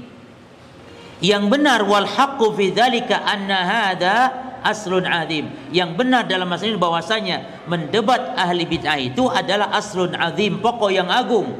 Qama alaihi din al-hanif yang tegak dengannya agama yang lurus ini. Wa babun matinun fi hifdzi manhaj ahli sunnah. Dan pintu yang kokoh dalam menjaga manhaj ahli sunnah. Ya minat tahrib dari penyelewengan. Makanya para ulama kita yang keras membantah ahli bid'ah, kita bersyukur karena memang tugas mereka. Ya. Keras bahkan ikhwan menyebut jauhi fulan mubtadi dal, si fulan sesat, menyimpang jauhi. Dan itu harus tegas begitu supaya umat terhindar dari kesesatannya. Dan itu bukan bentuk celaan, gibah, mencela, menghina, mengejek, apalagi mengeraskan hati. Itu bagian ibadah namun sesuai dengan syarat-syaratnya. Maka kita perhatikan sesuai dengan syarat-syaratnya. Wa ibadatun azimatun. Mengkritik ahli bidah itu ibadah yang agung. Wa qurbatun jalilatun tazidu fi imanil muslim. Dan kedekatan atau takarub kepada Allah yang membuat iman seorang muslim apa? Bertambah. Bukan mengeraskan hati, bertambah. Lakin idza qama bisyurutihi. Namun dengan syarat apa? Mengkritik ahli bidah itu ibadah apa cuma tegak syarat-syaratnya apa itu ikhlas ikhlas. Jangan mengkritik karena karena apa jemaah karena dendam ya? Karena kebencian yang dasarnya dendam pribadi. Ikhlas karena Allah. Bahkan tujuannya kita sayang sama mereka. Sebagaimana juga ibadah-ibadah yang lain. Ya kalau ibadah yang lain menambah iman sama. Mengkritik ahli bidah menambah iman. Nah. Nah, fal khalalu laisa fil asal. Maka penyimpangan ini bukan masalah mengkritik ahli bidah, bukan. Bukan pada asalnya. Ya, wa inna ma fi man tabaqal asla. Namun pada tabaqal asla yang yang penyimpangan itu pada prakteknya. Jadi jangan disalahkan ikhwan. Yang salah bukan jihadnya, yang salah tabaqal jihad yang salah orang yang mempraktikkan jihad yang salah. Demikian pula mengkritik ahli bid'ah. Ya. Bisa jadi memang ada orang yang mengkritik ahli bid'ah namun dengan cara yang tidak ada syaratnya terpenuhi, tidak pakai dawabit. Sehingga menimbulkan memang fitnah. Nah, maka wahad dalam nara fi aimatil huda min ashab wa tabi'in wa tabi'ihim bi ihsanin. Ya. Oleh karena itu kita tidak mendapatkan para imam dari kalangan para sahabat, para tabi'in dan para pengikut mereka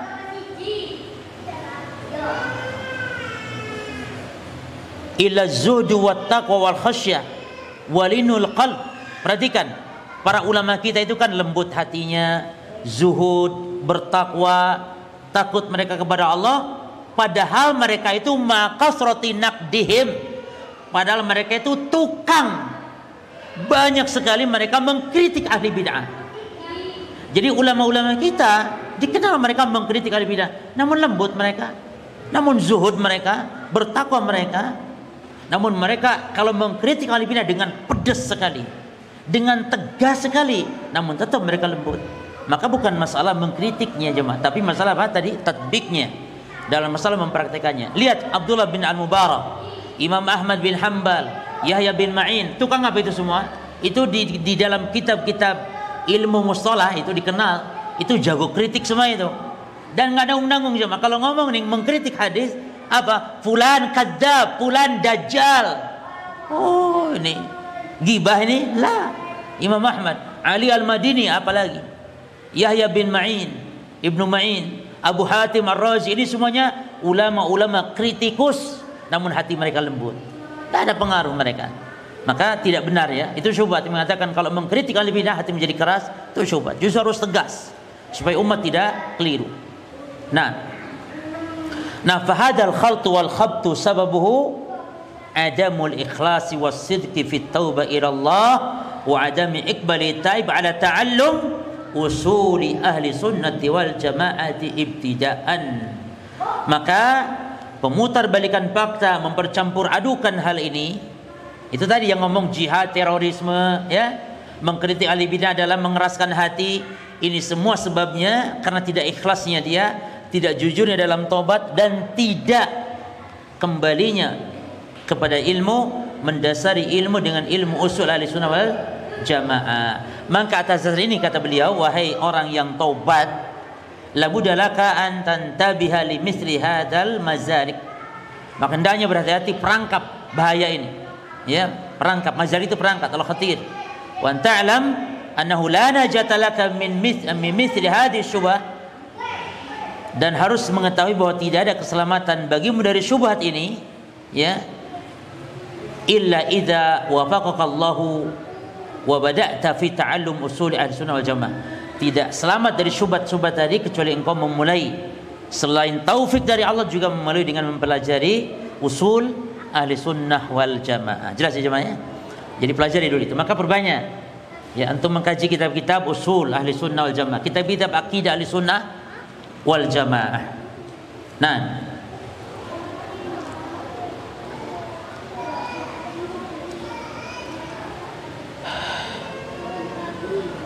Tapi kita lewat langsung masuk al-wasiyah rabi'ah. Tidak bisa kalau kita baca semuanya tidak selesai. Jemaah. Coba kita lewat saja. Al-wasiyah rabi'ah. Wasiat yang keempat. Fadhal antum sambil minum. Minum, tapi minum ya, jangan makan-makan, minum ya jangan.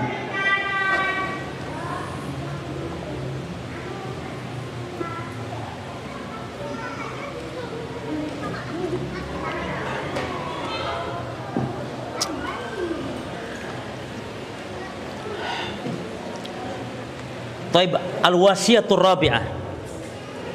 Wasiat yang keempat. La ta'khudul ilma illa mimman urifa bis sunnah. Ah, ini penting. Yang keempat, jangan mengambil ilmu kecuali dari orang yang dikenal di atas sunnah, yakni dari ustad ahli sunnah. Qala al-imamu Muhammad ibn Sirin rahimahullah. Mulai membawakan perkataan Imam Muhammad bin Sirin rahimahullah. Beliau mengatakan inna hadzal ilma dinun. Fanduru amman ta'khuduna dinakum. Sesungguhnya ilmu adalah agama. Maka lihatlah dari mana kalian mengambil agama kalian. Berarti tidak boleh sembarangan mengambil ilmu. Karena mengambil ilmu artinya mengambil apa? Agama jemaah. Nah kalau kita harus pilih-pilih guru kalau konteksnya antara ahli sunnah dengan ahli bid'ah hukumnya wajib. Tapi pilih-pilih guru yang sama-sama juga di atas pemahaman yang sah yang benar ahli sunnah pemahaman yang sahih ya jangan fanatik kepada guru ya ikhwan.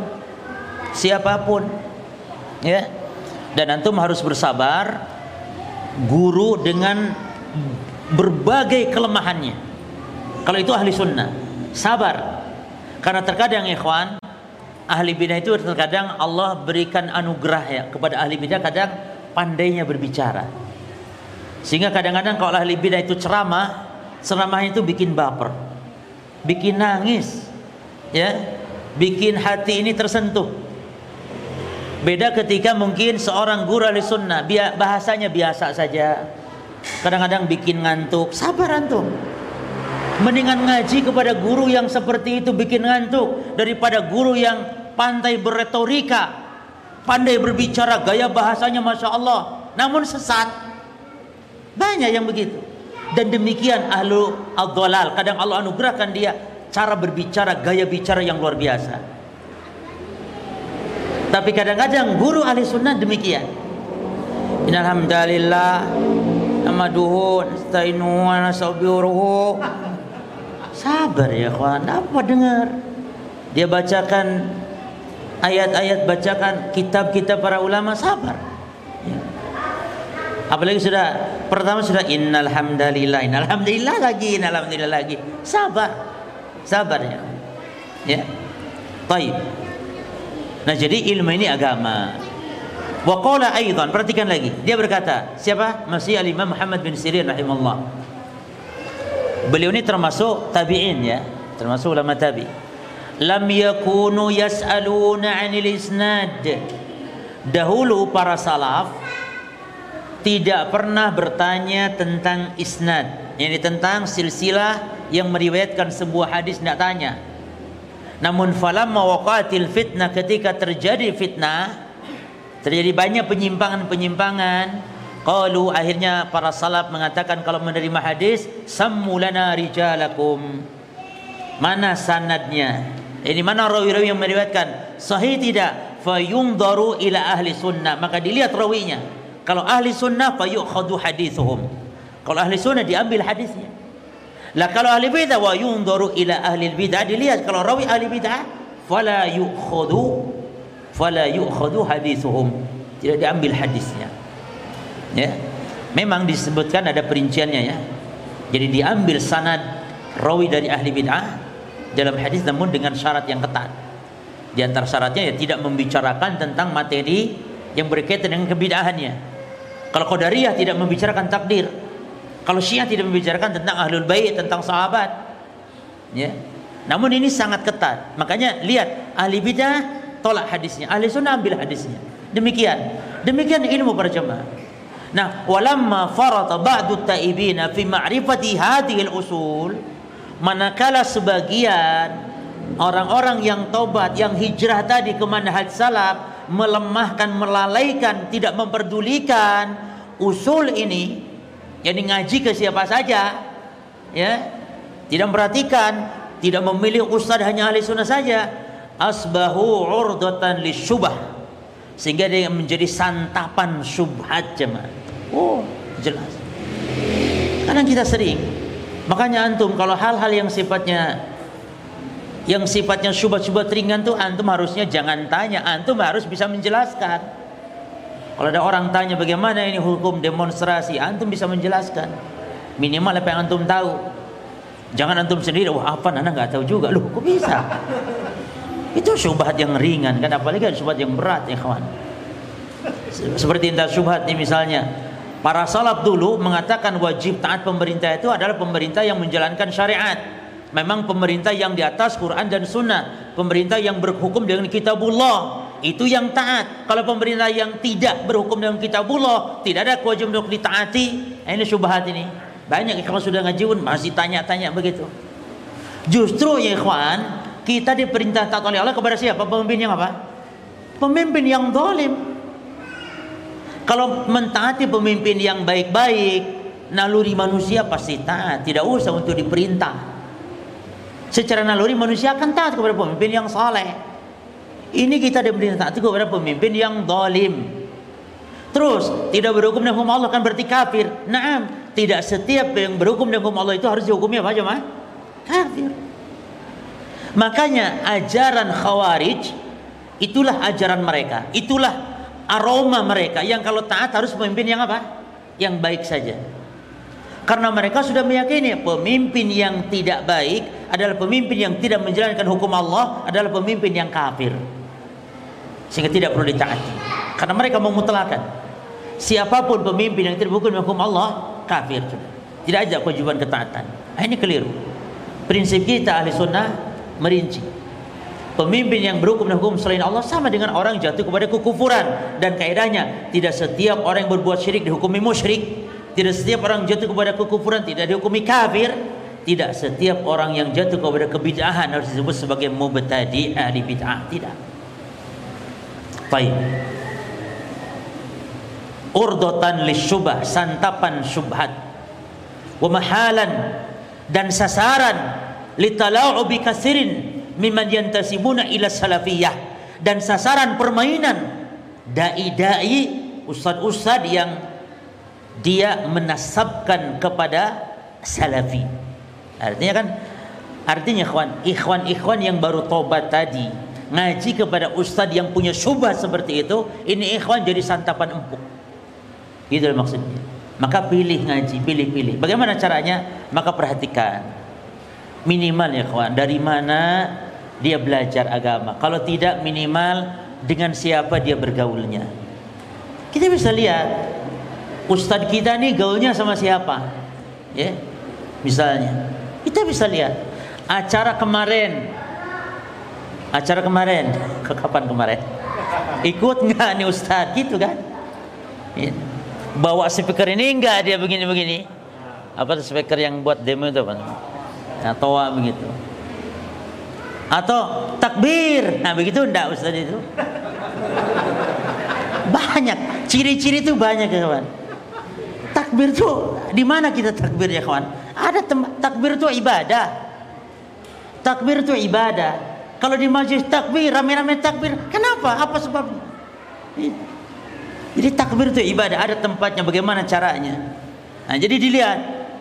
Maka fama in yati syakhsun yad'i al-ilm atau yadhar silatahu bi kibari ahli al-ilm min ahli sunnah illa wa tajidu syababa ataiba qad iltafau hawlahu min ghairi.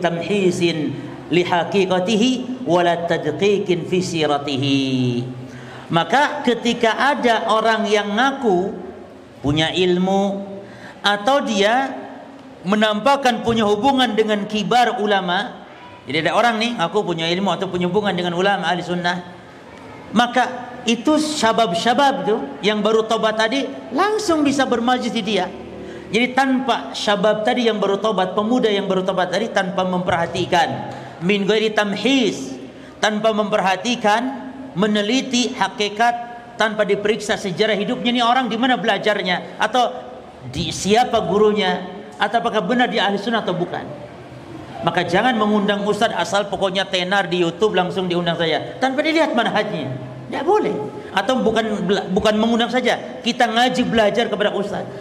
Antum melihat nih tak dapat video. Wah enak nih ustaz ngomongnya enak ceramahnya bagus gaya bahasanya. Bikin nangis bikin baper. Dicari namanya siapa? Bulan langsung majlisnya di mana? Ngaji. Atau YouTube-nya terus diikuti. Musibah ya kawan. Tanpa tanya ini ustaz salafi atau bukan? Tanpa tanya ini ustaz ahli sunnah atau bukan jenggotan ustaz iya jenggot tidak masalah cingkrang ustaz kita iya cingkrang tidak masalah batu belang batu belang tidak masalah manhaj ya mungkin ustaz tidak jenggotan tidak masalah kalau memang tidak tumbuh ahli sunnah walaupun tidak ada jenggotnya jadi jangan karena nggak ada jenggot ya bukan ahli sunnah ya. Taib. Sehingga ketika dia masuk ternyata dia bukan ahli sunnah. Masuk syubhat-syubhat akhirnya. Nah. Taib.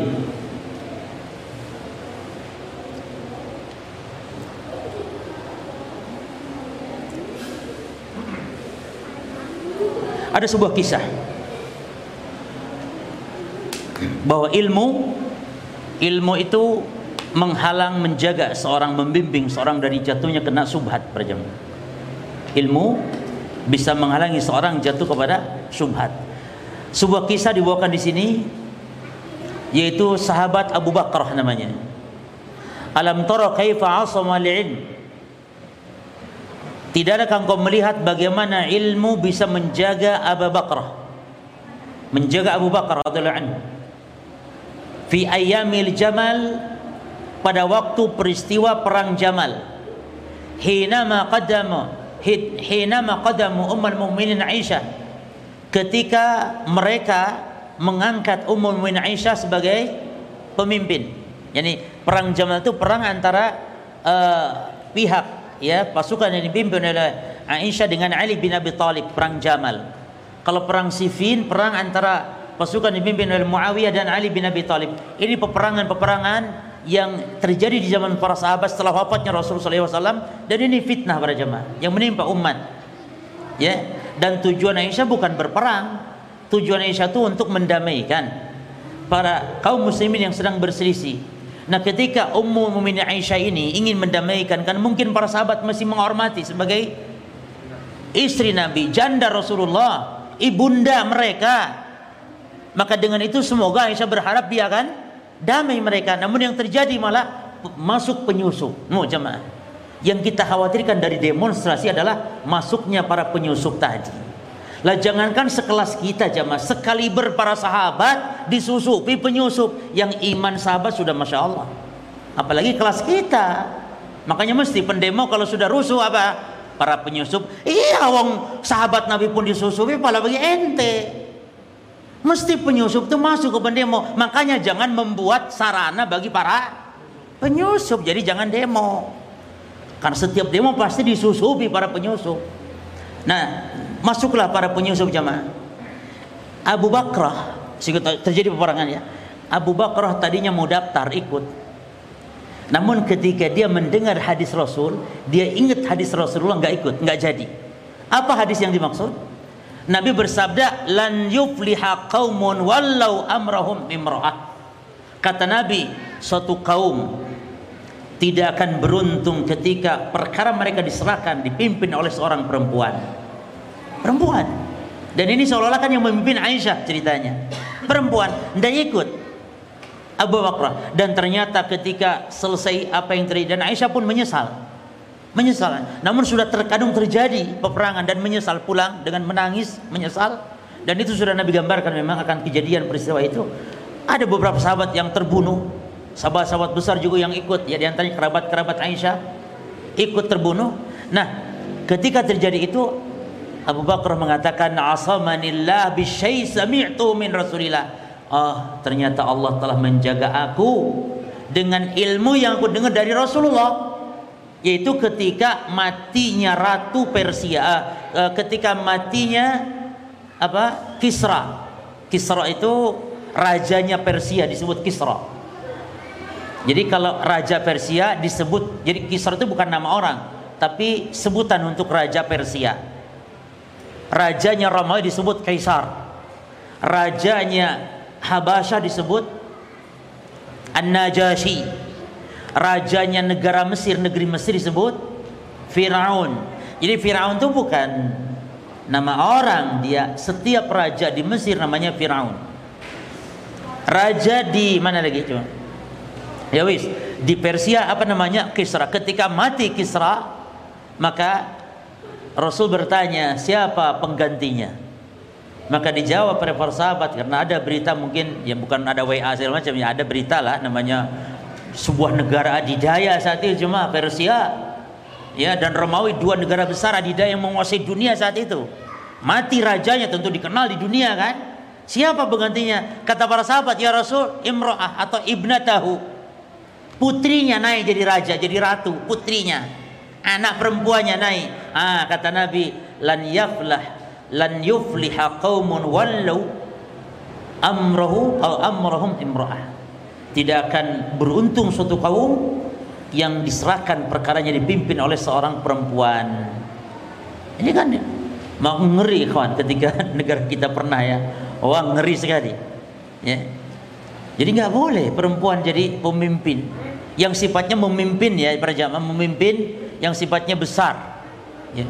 Adapun ketua arisan ya apa-apa nih ketua arisan. ketua PKK nggak apa-apa. Taib. Taib jemaah ya. Jadi sebabnya apa? Faktornya karena tidak kembalinya kepada para ahli ilmu. Nah,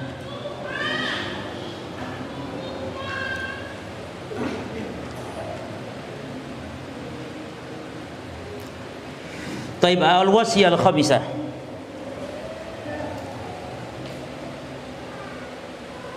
Ini sudah kelewatan waktunya? Terakhir ya? Baik. Al-wasi al-khamis, wasiat yang kelima. Daru ini pentingnya mah. Antum kita semua ahli sunnah khususnya, umumnya. Para penuntut ilmu yang baru tobat khususnya. Daruratul ruju' ila kibar ahli ilmi fi muhimmatil masail. Wasiat kelima pentingnya untuk merujuk untuk kembali kepada ulama yang kibar. Kibar loh.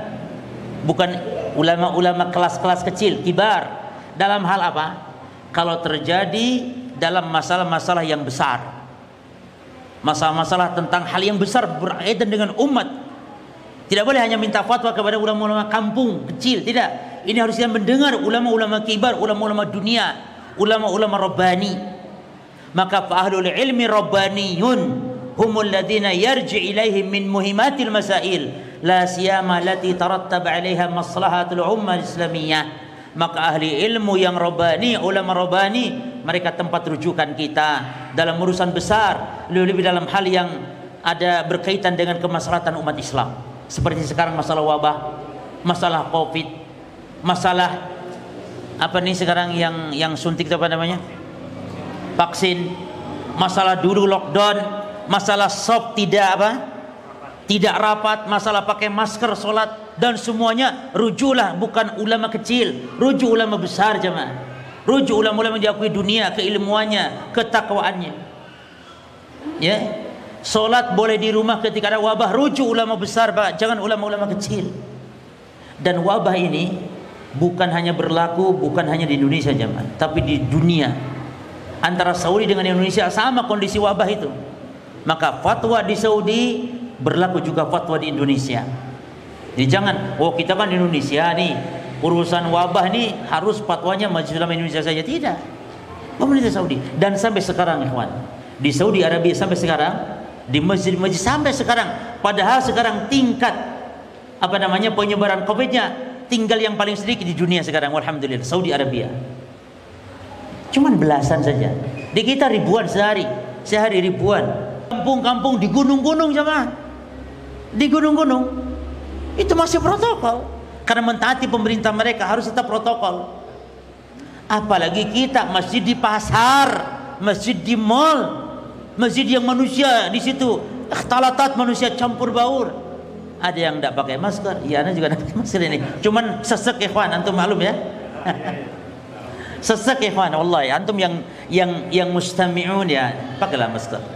Mustami'un pakai masker. Dan ulama-ulama di situ tetap masker, pakai masker, yani menasihati umat pakai masker. Nah, seperti itu.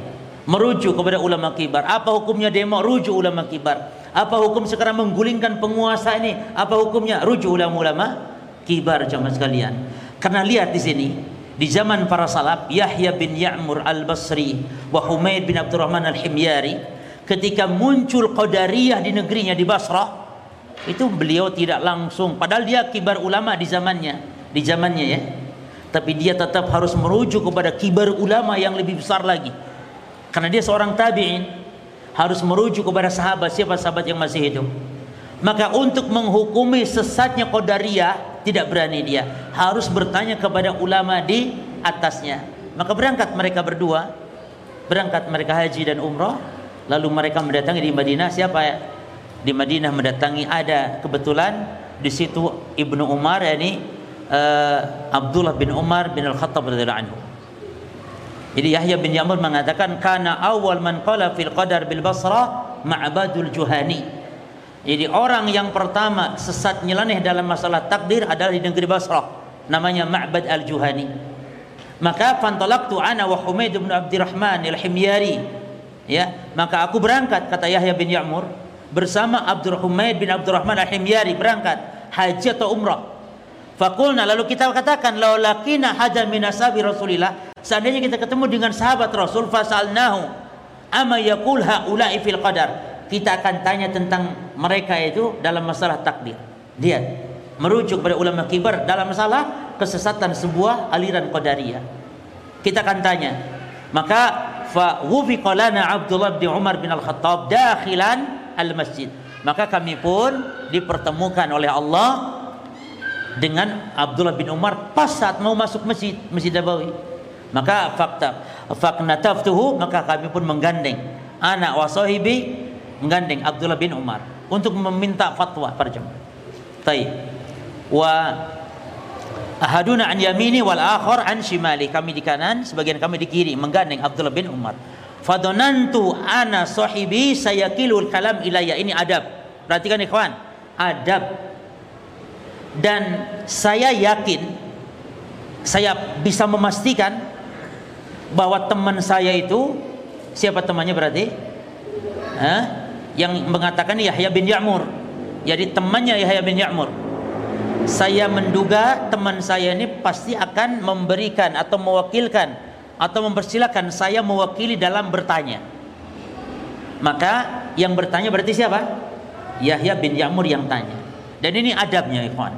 Antum kalau ada lima orang berjalan, ketemu ustadz, bertanya ustadz, ya, atau antum ingin berbicara kepada seseorang, antum berlima nih, mungkin antum sebuah sekelompok ya berlima bertiga ingin bicara sama seseorang yang lima orang ini berhajat maka yang berbicara siapa harus ditetapkan.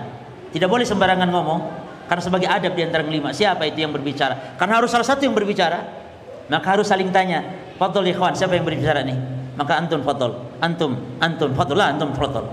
Itu jangan main bicara ikhwan. Itu tidak adab dalam majelis apalagi di situ ada seorang orang yang dianggap alim atau orang yang dianggap antum terhormat di situ, jangan mendahului. Ya. Berbicara maksudnya ingin bertanya membicarakan masalah. Maka ketika yakin temannya dia yang akan memberikan uh, perwakilan maka dia yang tanya. Sehingga bertanyalah kepada Abdullah bin Umar tentang orang yang di kampung di negerinya ada orang yang dia tidak percaya dengan adanya takdir. Maka Ibnu Umar pun berfatwa Kata Ibnu Umar, "Fa idza laqita ulaik fa akhbirhum inni bari'un minhum wa annahum bura'u minni." Katakan kalau kalian ketemu sama dia mereka nih orang-orang yang tidak percaya takdir tadi bahwa segala sesuatu jadi dengan sendirinya Allah tidak ikut campur dalam urusan ini katakan kepada mereka bahwa aku Ibnu Umar sahabat Rasul berlepas diri dari mereka dan mereka berlepas diri dari aku. Maknanya sudah bukan seagama lagi. Itu maknanya bukan seagama lagi. Lalu kata Ibnu Umar, "Lau anna li ahadin misla Uhudin dahaban." Kalau seandainya mereka punya sebesar gunung Uhud berupa emas, fa anfaqahu ma qabilallahu minhu, maka Allah tidak akan terima infaknya hatta yu'mina bil qadar sehingga dia beriman dengan takdir. Apa artinya ini? Ibnu Umar mengkafirkan kelompok Qadari Qadariyah.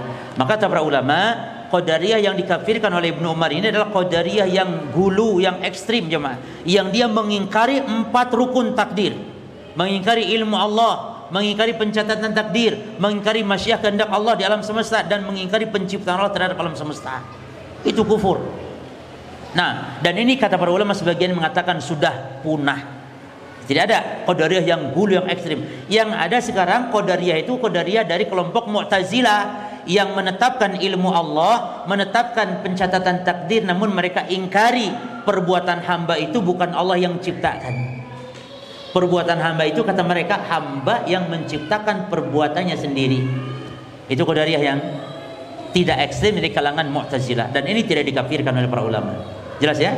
Intinya cuma orang-orang dahulu para salaf mereka selalu merujuk kepada para ulama kibar. Dia ini ulama, namun harus kepada ulama yang di atasnya lagi kalau ingin berbicara urusan orang-orang banyak urusan kaum muslimin, urusan besar, urusan-urusan penting dalam kehidupan dunia dan akhirat kita. Nah, mereka orang besar. Yahya bin Ya'mur itu ulama kibar dari kalangan tabi'in namun bertanya kepada Abdullah bin Umar. Demikian pula mari memberi contoh tentang kasusnya Zabid Al-Haris Al-Yami saat muncul murjiah pada waktunya dia melihat bahwa ada penyimpangan terhadap pokok ahli sunnah. Ya. Nah maka beliau tidak cepat-cepat menghukuminya. Tapi dia berangkat menuju tentang bertanya murjiah ini kepada ulama di zamannya dan ahli fatwa di zamannya. Dari kibar sahabat yaitu Abu Wa'il Asy-Syaqiq atau Abu Wa'il Syaqiq bin Salam Al-Asadi Al-Kufi. Bertanya kepadanya Ya karena dia kibar ulama di zamannya. Maka ketika Zabid mengkabarkan ya, lalu beliau memberi fatwa yakni Abu Wa'il memberi fatwa oleh hadis Rasulullah sallallahu alaihi wasallam. Ya. Bukan hadis Nabi, sibabul muslim fusuqun wa qitaluhu kufrun. yakni mencela orang Islam itu fasik dan memerangi orang Islam ya, memerangi adalah kekufuran. Yang dibawakan hadis Nah, artinya membantah kaum Murji'ah dengan hadis-hadis seperti ini. Nah, ini menunjukkan para jemaah sekalian, kalau ada fatwa dari kibar ulama, ada fatwa dari kibar ulama berkaitan dengan masalah-masalah yang penting, maka kita menerima. Kita menerima. Bukan malah sebagian kita sekarang meremehkan fatwa, membiarkan tidak peduli dengan fatwa dari para ulama. Yang penting menurut saya ini ini yang kuat. Masya Allah. Antum siapa dan beliau siapa coba? Menurut saya kuat nih ulama ini lemah ini. Menurut saya yang kuat ini misalnya. La ya kawan.